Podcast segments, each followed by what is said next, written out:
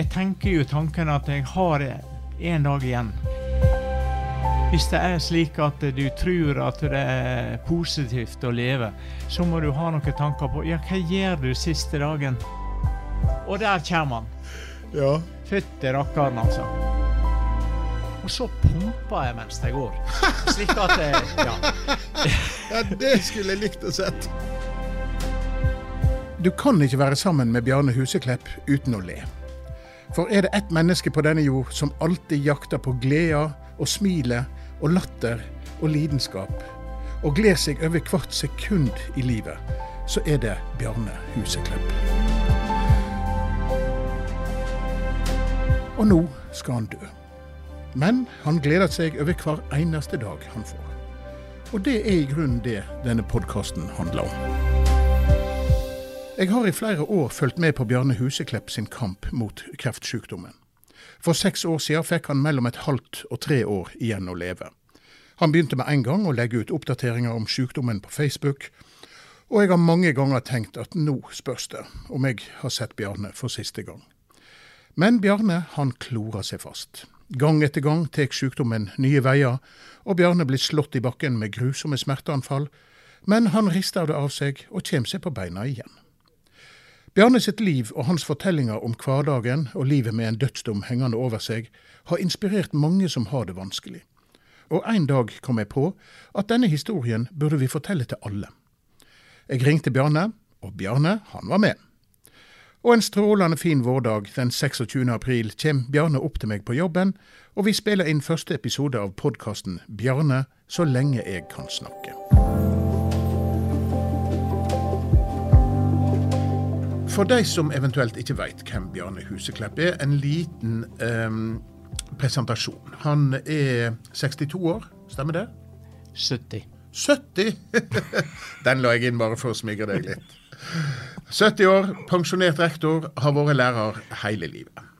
Eh, det han kanskje først ble eh, faktisk landskjent for, var at han i 1978 sette to norske rekorder. Eh, på én time baneløp og 20 km baneløp. Disse rekordene de sto i 37 år. Han har eh, hatt mange hobbyer. Mange av de har han utvikla til eh, levevei etter hvert, for det har rett og slett blitt så flink til de. Det er flågebinding, flågefiske. Han har vært skoforhandler. Eh, og han har kanskje verdensrekord i hvor mange aurer et menneske har fiska i sitt liv. Sist gang jeg hørte et tall, så var det 153 000.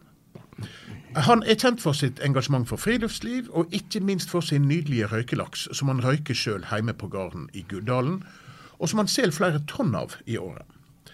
Bjarne er òg en mann som har ei god historie om nær sagt hva som helst, og alt dette skal vi komme tilbake til i seinere episoder. For akkurat nå er det noe annet som preger Bjarne sitt liv, og som veldig, veldig mange er opptatt av. Og Bjarne, det begynte for seks år siden. Eh, fortell om det. Ja, det stemmer. Det begynte i eh, den 24. mai i, eh, i 2017. Da var jeg eh, på vei opp til ungdomshuset i Nedre Lavikdal. Jeg skulle i en begravelse i Bergen, og der ringer telefonen. Dagen før så hadde jeg vært på legekontoret og tatt blodprøve. Og der får jeg da beskjed i den telefonen at du skal innlegges uh, på Førde sentralsykehus øyeblikkelig. Hva var det som gjorde at du gikk til legen første gang? Nei, Jeg eh, var begynt å verke litt i venstre hofte.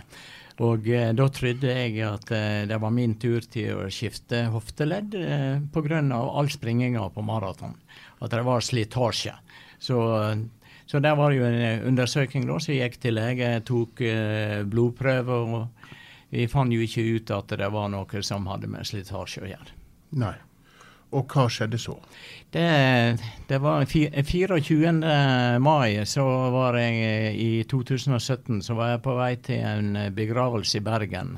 Og når jeg kommer opp til ungdomshuset på Nedre Lavikdal, eh, så ringer telefonen. Dette var i halv åtte-tida om morgenen. Og da får jeg en telefon som sier det at uh, uansett hva du gjør, så skal du innlegges uh, på Førde sentralsykehus i dag. Samme dag? Samme dag. Så jeg hadde ikke, hadde ikke noe valg. Jeg eh, snudde, kjørte hjem om, tok på, med meg litt klær, litt toalettutstyr og en pårørende. Ja. Og når du kom på sykehuset, hva Altså, det må jo ha vært urovekkende. Sa de noe om hvorfor du skulle komme så fort? Nei, det tok litt lang tid, og det har jeg tenkt på lenge etterpå òg. Men jeg skjønner gjerne at det var lurt at det var en lege som sa det. Og hva sa legen? Og Legen eh, fortalte det at eh, blodprøver som du tok i går, den har en eh, PSA-verdi på 928. La oss ta med en gang. PSA-verdi, hva er det? Ja, En PSA-verdi det er en eh, verdi som du kan eh, måle i blodet dersom du har eh, utvikla prostatakreft. Akkurat. Og dette høye tallet, det var ikke noe positivt signal, for å si det sånn. Nei, og det var unormalt høyt. Hmm. Ja. Det, det, var, det, var, det Sånn at når jeg kom eh, på sykehuset, så sto jo der klart ei seng der, og der var eh, ut, utstyr og klær som jeg skulle ha på meg. og jeg eh, tok nå på meg de klærne der, så, så lå der men jeg la meg. Og så ville de ha Bjarne Huseklepp til å legge seg i ei seng. Ja. Hvordan gikk det? Nei, det enda jo med det at jeg sa det at så lenge så jeg er i stand til å gå, så går jeg. Så gikk ved siden av uh, portøren, og vi hadde en hyggelig prat, fordi at han der portøren der, han var faktisk interessert i fisking. Så det var en ganske lett tone når vi gikk opp gjennom. han fikk nok høre noen feite, fine fiskehistorier. Ja da. Uh, Neste beskjed du fikk, hva var det? Nei, det var jo, eh, det var jo en del eh, undersøkelser, og der, eh, der det viste seg at jeg har prostatakreft som har spredt seg til skjelettet. Jeg hadde kreft i hoftepartiet, jeg hadde kreft i ryggraden, jeg hadde kreft i låra, men jeg hadde ikke kreft i armene. Og jeg, heldigvis, jeg hadde ikke kreft i hodet. Hva sa legene om hvordan dette kom til å utvikle seg? Ja, Det, så, det var jo forskjellige som uttalte seg om dette. der, Men, men eh, det mest uh, alvorlige på en måte, det var at dette kunne være en kreftform der du kunne leve fra et halvt til tre år. Hvordan, hvordan, hvordan reagerer en på en sånn beskjed?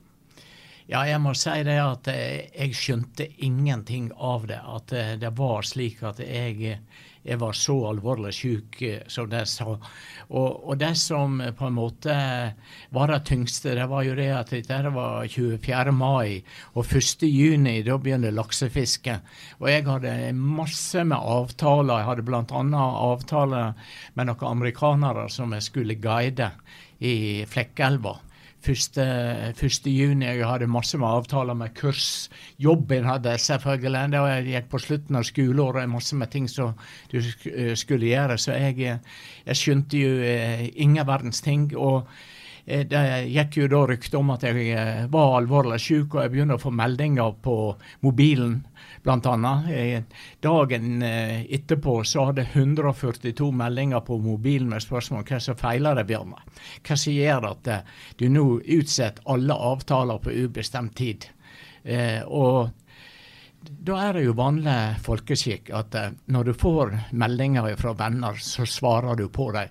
Men når jeg hadde fått den beskjeden om at jeg kanskje har kort tid igjen å leve, så kunne ikke jeg sitte og svare på 142 meldinger og skrive det samme. Nei. Det kunne jeg ikke gjøre, og det var da jeg bestemte meg for jeg går på Facebook. Og fortelle. Og så skriver jeg, eh, skriver jeg der hva som, har skjedd. Og det er noe av det aller glupeste jeg har gjort. Fordi at eh, det, gjør det at hver gang jeg er på sykehus eller jeg har noe, en vesentlig beskjed å formidle til jeg, nærmer meg vel nå 3500 venner på Facebook som jeg kjenner utrolig godt. Og da får de vite hvordan jeg har det. Ja. Og så er det slik at noen ringer igjen eh, og hører hvordan det går og har en, har en hyggelig prat, men jeg slipper å svare på de samme spørsmåla i hundrevis av eh, tilfeller. Sånn som det var da første gangen. Jeg hadde 142 meldinger jeg og du har jo vært eh, venner på Facebook i alle disse årene. Og jeg har intervjua deg flere ganger.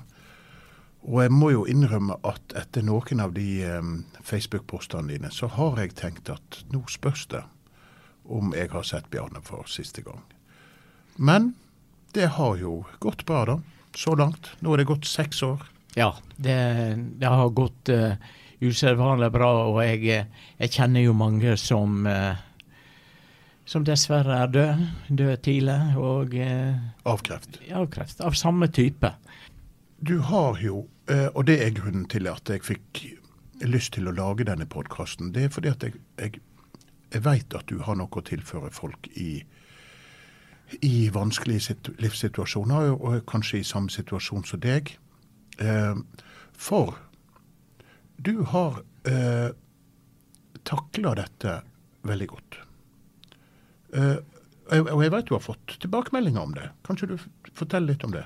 Ja og, og det må, må, jeg jo si at det er jo en av grunnene til at jeg eh, har vært ganske åpen omkring dette. her. Det er at det der er gjerne muligheter til å gi noen helt enkle tips til hvordan folk skal uh, takle dette her. Fordi at eh, der, eh, der, kan du gå rett mot undergangen, eller du kan få det beste ut av det. Og det er klart at eh, når du har en krefttype som er uhelbredelig, så må du nytte de dagene du har, så godt som du kan. Hvis du vil ha det beste ut av det livet du har igjen. For nå er det gått seks år? Nå har det gått eh, seks år, og jeg merker jo, jeg merker jo det at eh, plagene blir større. Jeg eh, jeg får uh, mye mer smerte. Uh, og da er det ofte vanskelig å finne den helt rette medisinen som tar det. Uh, sånn, sånn, at Og det er, det er, smerter som ikke går an å beskrive. Jeg har jo, som du var inne på, utsatt kroppen for, for mye frivillig smerte med å trene hardt til, til løp av styrketrening som du er nødt til å ha inne for at du skal kunne prestere. og Utsette kroppen for mye smerte. Men den eh, smerten som du får når du har eh, kreft i beina, den, eh, det går ikke an å beskrive det. Det er mye verre? Ja, det er helt vilt.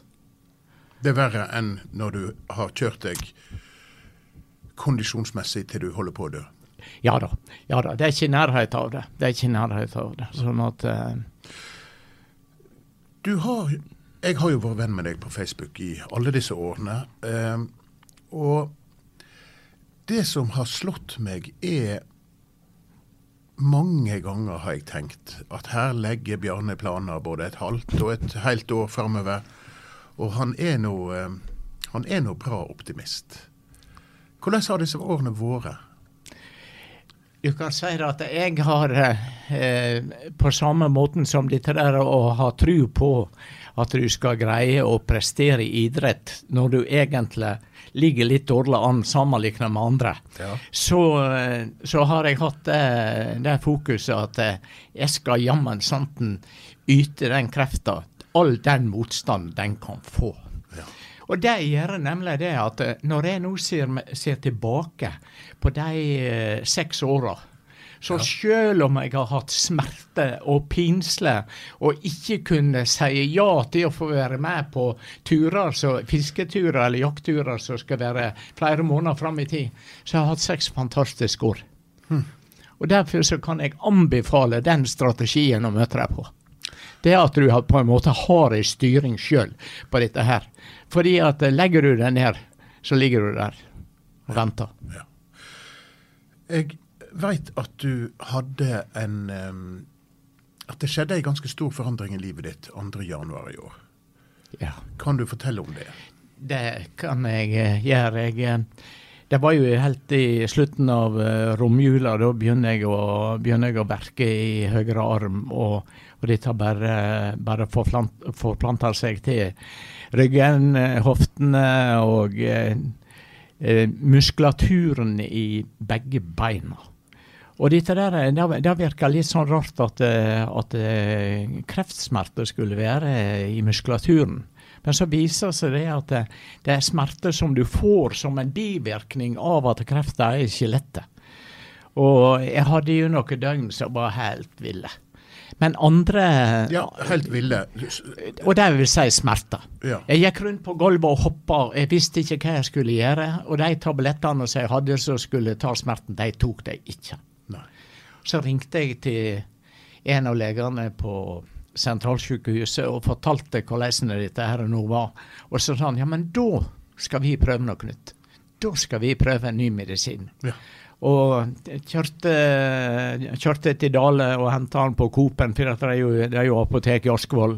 Ja. Og den eh, andre, andre når jeg hadde tatt uh, første dosen av dette, så var det jo helt nytt liv igjen. Ja. Så det var ja hvordan helt nytt liv? Ja, uten smerte. Helt Ja, vekke. ja, Fra tortur en dag ja, til ja. Og jeg må jo, må jo bare si at, eh, at de legene og de sykepleierne som jeg har møtt, har gjort en eh, fantastisk jobb Ja. for meg. Du er glad for den skatt du har betalt? Ja da. Ja.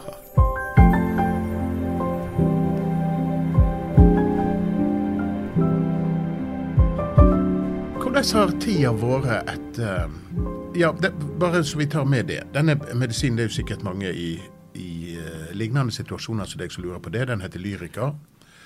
Eh, hvordan har livet vært nå de siste fire månedene? Ja, det har vært eh, litt mer, eh, litt mer prega av eh, at kroppen blir påvirka. Blant annet så har jeg så har jeg hatt ei behandling eh, med radioaktive stoff som blir sprøyta inn i blodet, og som tar kreftceller som er i skjelettet. Ja. Det er det positive. Så har du bivirkningene, og det er, eh, de er slik at, eh, at de påvirker beinmarg og produksjonen av røde og hvite blodceller. ja. Eh, og der, eh, dermed så produserer ikke kroppen min det som han skulle ha gjort. Slik at nå har jeg hatt flere flere eh, behandlinger med at jeg får to poser blod. ja vel. Ja. Sånn at eh, Og da er jeg oppe og går igjen. Ja. Ja. Så du, du mister blod hele tida og, Ja, og får stadig nye blodoverføringer? Ja. Og så ser jeg òg det at eh, ja, avstanden mellom hver gang jeg eh, må ha blod, den blir kortere. Til å begynne med så var den rundt seks uker. Nå skal jeg på sykehuset i morgen. Så får vi se hvordan det er da. Men jeg ser jo ikke vekk fra det at skal dette gå bra, så er jeg nødt til å komme ned i tre eller to uker eh, mellom, Mellom hver gang. Jeg vet mange, og det er derfor jeg, vi fant ut at vi skulle lage denne podkasten. Eh, fordi at du har noe å tilføre andre i vanskelige livssituasjoner. Eh, du har levd gjennom seks år med veldig harde prøvelser. Har du, hva slags råd har du til de som ja, som blir ramma, ja, som f.eks. da kommer på sykehuset og får vite at din tid er begrensa? Ja, da, tror jeg at jeg, jeg skal bruke samme prinsippet som eh, jeg sjøl har hatt gode erfaringer med. Og det er den at våkner jeg i morgen, så heter frokost. Og så gjør jeg det som jeg har planlagt. Fordi at hvis du, hvis du gjør det, nemlig, så får du noe positivt ut av de dagene, om det skulle være mange eller det skulle være få. Fordi at da har du sjøl prioritert hva du vil bruke tida di på.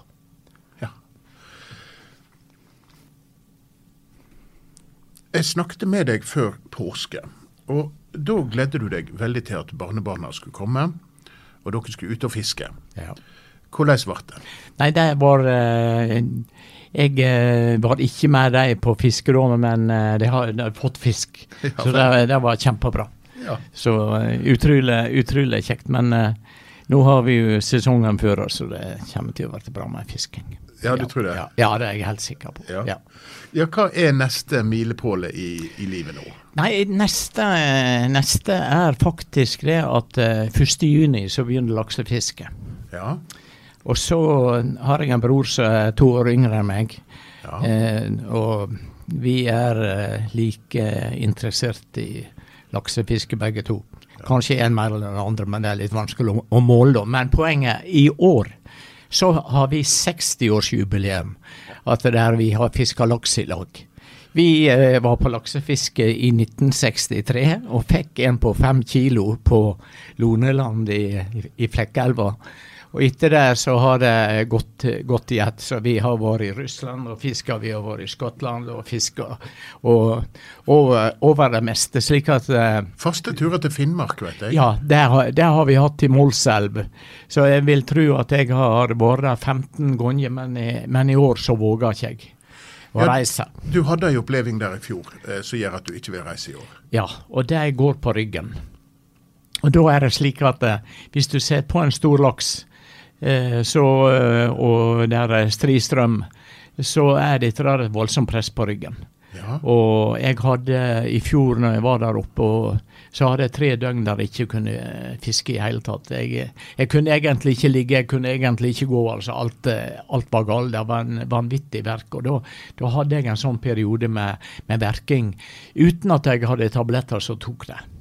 Så, så det var ikke bra. Så jeg har sagt til broren min i år at eh, nå eh, i år så Jeg våger ikke å ta risken på det.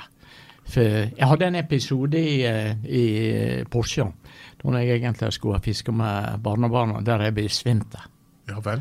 Eh, og eh, ute i ei stor elv, i ikke, badebukse, så er ikke det så gunstig. så er ikke det det glupeste en gjør når du, når du har fått et lite signal om at eh, dette der kan komme helt overraskende. Men det har med blodet å gjøre. Ja, altså altså, det kom helt overraskende. Kom helt overraskende. Og jeg har jo Hvor var du hen?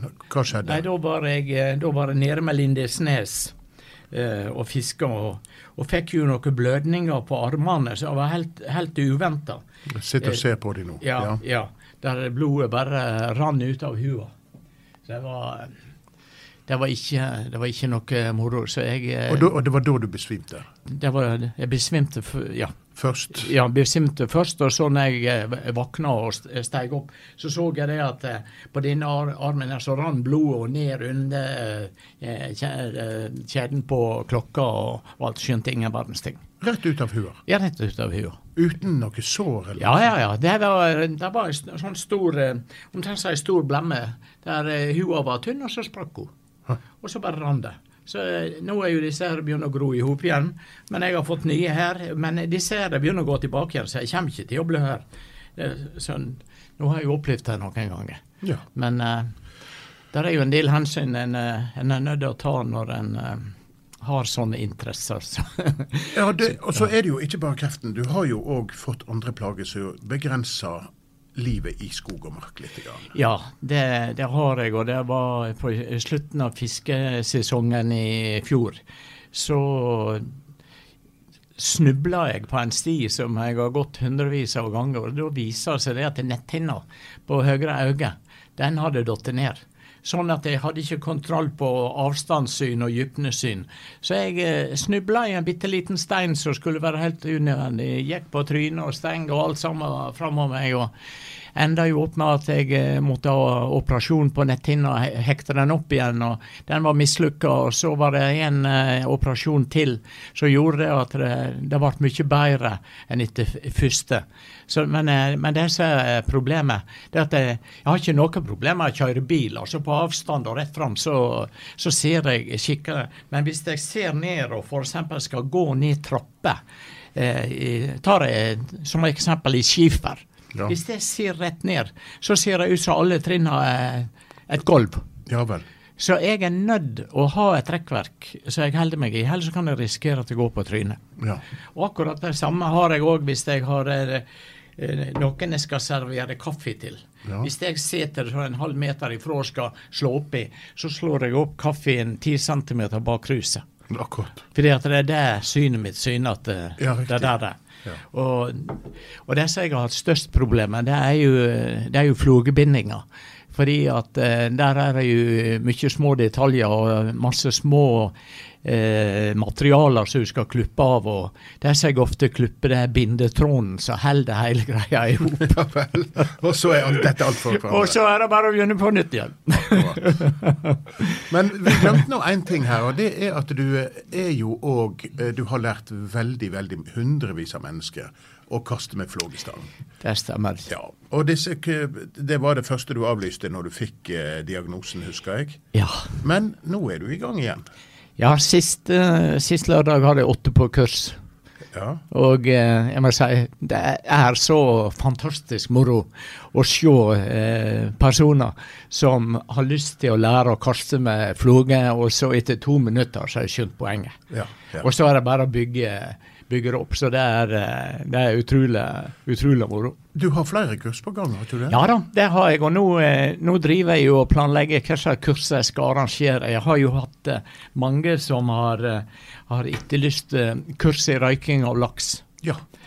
Eh, og eh, jeg har, jeg har de tankene, men det er utrolig mye logistikk rundt dette der. ja. Eh, fordi at eh, det er fullt mulig å greie å avvikle et sånt kurs i løpet av én dag.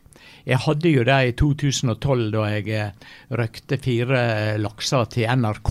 Ja. Fordi at da skulle en ha laksefiske minutt for minutt eh, fra Gaula, og så skulle jeg røyke to ville, og, og så to superior oppdrett. Ja. Og kunsten var at jeg skulle se om jeg greide å kjenne forskjell på smaken. ja. Så det, der, eh, der greide jeg å planlegge det, slik at, det, slik at jeg hadde allerede De som skulle røykes når NRK var der, de hadde jeg allerede salta og gjort klar Ja. dagen før. Men så laga jeg til en ny versjon når de var der, sånn at de fikk se alt. Akkurat. Så det ligger faktisk inne, ligger faktisk inne på, på NRK sin, eh, Nettside. sin nettside. Det, det gjør det. Så. Men har, har du, jeg mener å huske at du har et flågefiskekurs på gang nå i mai? Ja, ja, ja, ja. Det har jeg. Det har jeg. Og så, har jeg lovt noen damer som har vært på kastekurs, at eh, vi skal ta et eh, fiskekurs. I elva. I elva. Og- Med laks i elva. Ja, det har de kjø. Det er ørret. Da er det kjø, ja. Ja. Og i Guddalen så har vi rikelig av dem. De, er små. Men det som er poenget, nemlig, det er at det er sånn eh, næringsmessig så kan du si det at disse der kjønnene der, det er, er ikke noe eh, sel, fordi at de er, de er ikke feite og fine. Men du får en fantastisk mengdetrening på det Ja. når du får 20-30 stykker. Ja, Ja, det gjør du. ja. Da har du det. Hvordan går det med helsa akkurat nå? Jeg vet du var jo eh, og tok blodprøver i går. Tok, eh, tok blodprøve i går, ja. Og så skal jeg eh, på sykehuset i morgen, så få resultatet av det. Og eh, jeg føl, akkurat nå så må jeg si at jeg, jeg føler meg bra. Ja. Men, men det som jeg må få et lite svar av hos legen i morgen, det er hvordan at jeg skal greie å ta disse småmurringene som kommer i, i korsryggen av og til. Og som gjør det at jeg, altså, altså Jeg tåler dem hvis jeg er oppegående og ikke sover, men det er umulig å greie å sovne med dem. For det, det er litt sånn småpirring så, eh, og smerte. Så det er akkurat sånn at du ikke sover. Ja, det er akkurat eh, Og jeg har alltid hatt det sånn at eh, jeg skal legge meg og sove, så la jeg meg å sove. Det, det var, jeg var vekk etter en par minutter. Ja, ja. Sånn at, men, men det greier ikke jeg å praktisere når jeg har de smertene der. Du var på et møte inne i Sogndal for et par-tre uker siden. Og Ja. da hadde du ei tung natt, husker Ja, du fortalte. ja jeg hele, hele lørdag natt til søndagen ja hvilket møte var du på? Jeg var, jeg var på, jeg var på årsmøte i Sogn og Fjordane Jeger og Fisk. Ja. Og der var jeg i Førde. Det var, det var på Sunnfjord hotell. Ja. Det var der det var. Og eh, da eh, under middagen så begynner jeg å verke. Eh, og jeg skjønte det at dette her, eh, det er eh, kommer, Det kommer til å merke. Sånn at eh, jeg, eh, jeg la meg eh, ganske tidlig, men jeg sto opp igjen. Og verkte og verkte. Og jeg gikk rundt på rommet til klokka var kvart på åtte søndagsmorgenen. Og da eh, da eh, la jeg meg ned, og da greide jeg å sove en halv time. Og så var det på møte igjen. Hvordan greier du det? Du er 70 år gammel. Ja da, men, eh, men jeg har jo alltid eh, vært velsigna med ganske god utholdenhet, og, og dette der at jeg eh, på en måte greier å ha fokus på det som er viktig. Og, og det tror jeg at det kommer fra den tida jeg drev toppidrett.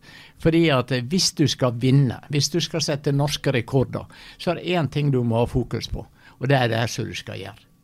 Og det, det har jeg òg hatt nytte av eh, nå i forbindelse med krefter, at eh, det, eh, jeg har fokus på det som er viktig for meg. Ja.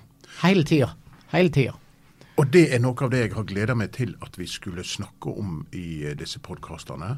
Eh, for jeg har snakka med deg så mange ganger at jeg har skjønt at det er noe Du har noen tanketriks og noen strategier for hvordan du håndterer rett og slett tankene i hodet som har brakt deg til norske rekorder, og som helt sikkert Og som du har overført til det å takle eh, det å være dødssjuk. Og det skal vi komme tilbake til i neste episode. Eh, helt til slutt så er det et spørsmål jeg må stille, Bjarne. Og det er eh, Du har jo tross alt eh, kreft. Eh, og la oss si at du utpå sommeren plutselig blir veldig syk. Hvor lenge holder vi på med denne podkasten? Det som jeg eh, kunne tenke meg, det er at eh, jeg eh, er med på den så lenge så jeg er i stand til å snakke noenlunde skikkelig. Og så at det har nytteverdi for de som er lyttere. Det er viktig for meg. Altså Heller så mener jeg at da kan vi ha, Har ikke det noe nytte for andre, eller at andre har lyst til å høre så, så har det egentlig ikke noe særlig stor verdi.